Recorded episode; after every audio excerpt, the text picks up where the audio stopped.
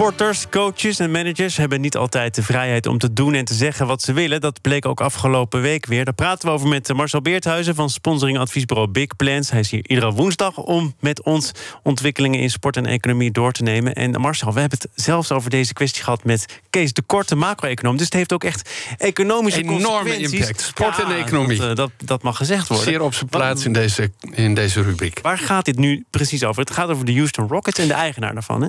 Ja, de, de algemeen directeur, zeg maar, de Edwin van der Sar van die basketbalclub. Die had een tweet geplaatst en die, en die zei eigenlijk in zeven woorden in het Engels: uh, vecht voor, vrij, uh, voor vrijheid, steun Hongkong. Um, en de NBA, hè, want daar gaat het dan over basketbal, is ongelooflijk groot in China. En China, de mensen in China waren enorm op hun teentjes getrapt. En die zeiden: ja, dat kan niet dus. Hij heeft heel snel die tweet verwijderd, maar toen was het al te laat.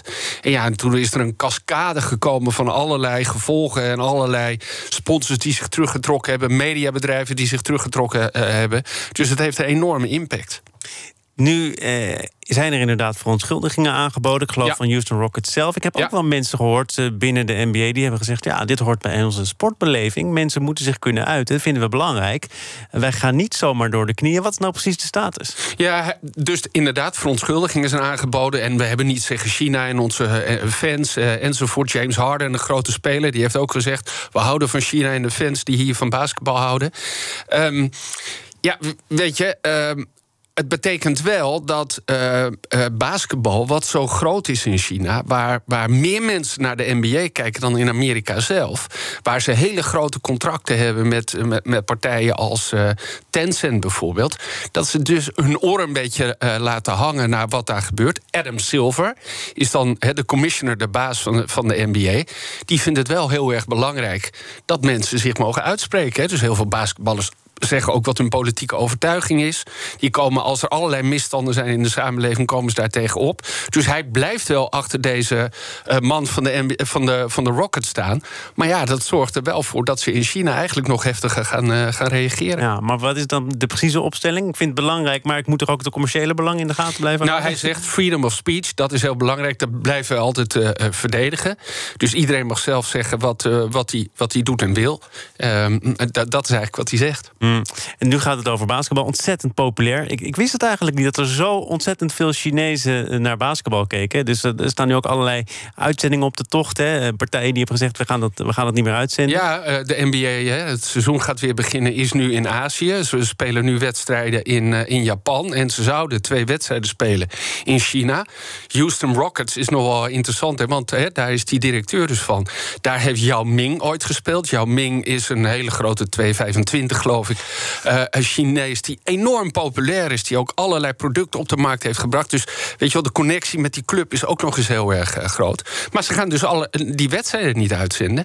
En die uh, exhibitiegames die zijn afgezegd, worden ook niet uitgezonden. Dit gaat nog over basketbal, maar er zijn meer sporten. China en de boycott, dat lijkt wel een trend te worden. Zwarte ja. lijsten, ja. heffingen, je verzint het maar. Dat gaat natuurlijk ook de sport raken, ja. of niet? Ja, zeker, zeker. Maar, uh, dus heel veel mensen zeggen natuurlijk sport en politiek, uh, dat, die hebben niets met elkaar te maken. Maar je ziet nu dat het zo dicht bij elkaar komt. Dan is er eigenlijk gisteren ook weer een aankondiging van de Amerikaanse overheid dat ze allerlei bedrijven in China gaan boycotten. die het niet zo nauw nemen met de mensenrechten. Dus dit South Park wat, wat speelt. Dus het gaat over en weer. En als sportorganisatie kun je dus eigenlijk niet onttrekken aan die politiek. En heb je daar ook meteen commerciële last van. Ja, het is wel ik zat het me af te vragen of dat nou in Nederland ook zou kunnen gebeuren. Ik weet dat er toen de Spelen waren in Beijing... dat er Erik van Muiswinkel was dat volgens mij ja. opriep tot een boycott. We hebben natuurlijk Freek de Jonge gehad heel lang geleden in Argentinië. Ja, Argentinië. Maar er zijn toch relatief weinig sporters... die zich in een politiek diplomatiek gevecht willen mengen. Ja, heel weinig. Hè. Sharon Maas had je tijdens de Olympische ja. Spelen in Sochi. Die deed dan handschoenen aan met de regenboog erop... om, hè, uh, om uh, uiting te geven aan, uh, aan, aan, aan de mensen die homoseksueel zijn... en daarachter te staan. Um, het is wel zo dat uh, de afgelopen jaren natuurlijk veel veranderd is. En wat er ook gebeurt, is dat heel veel grote Chinese bedrijven zijn sponsor geworden van de internationale sportkoepels. Uh, dus het IOC heeft grote sponsors, FIFA heeft grote Chinese sponsors, de UEFA heeft grote Chinese sponsors. Er zijn allerlei bedrijven uit China die investeren in voetbalclubs en andere sportorganisaties. Uh, dus de invloed daarvan wordt wel steeds groter. Dus het wordt ook steeds moeilijker om je daarvan te onttrekken.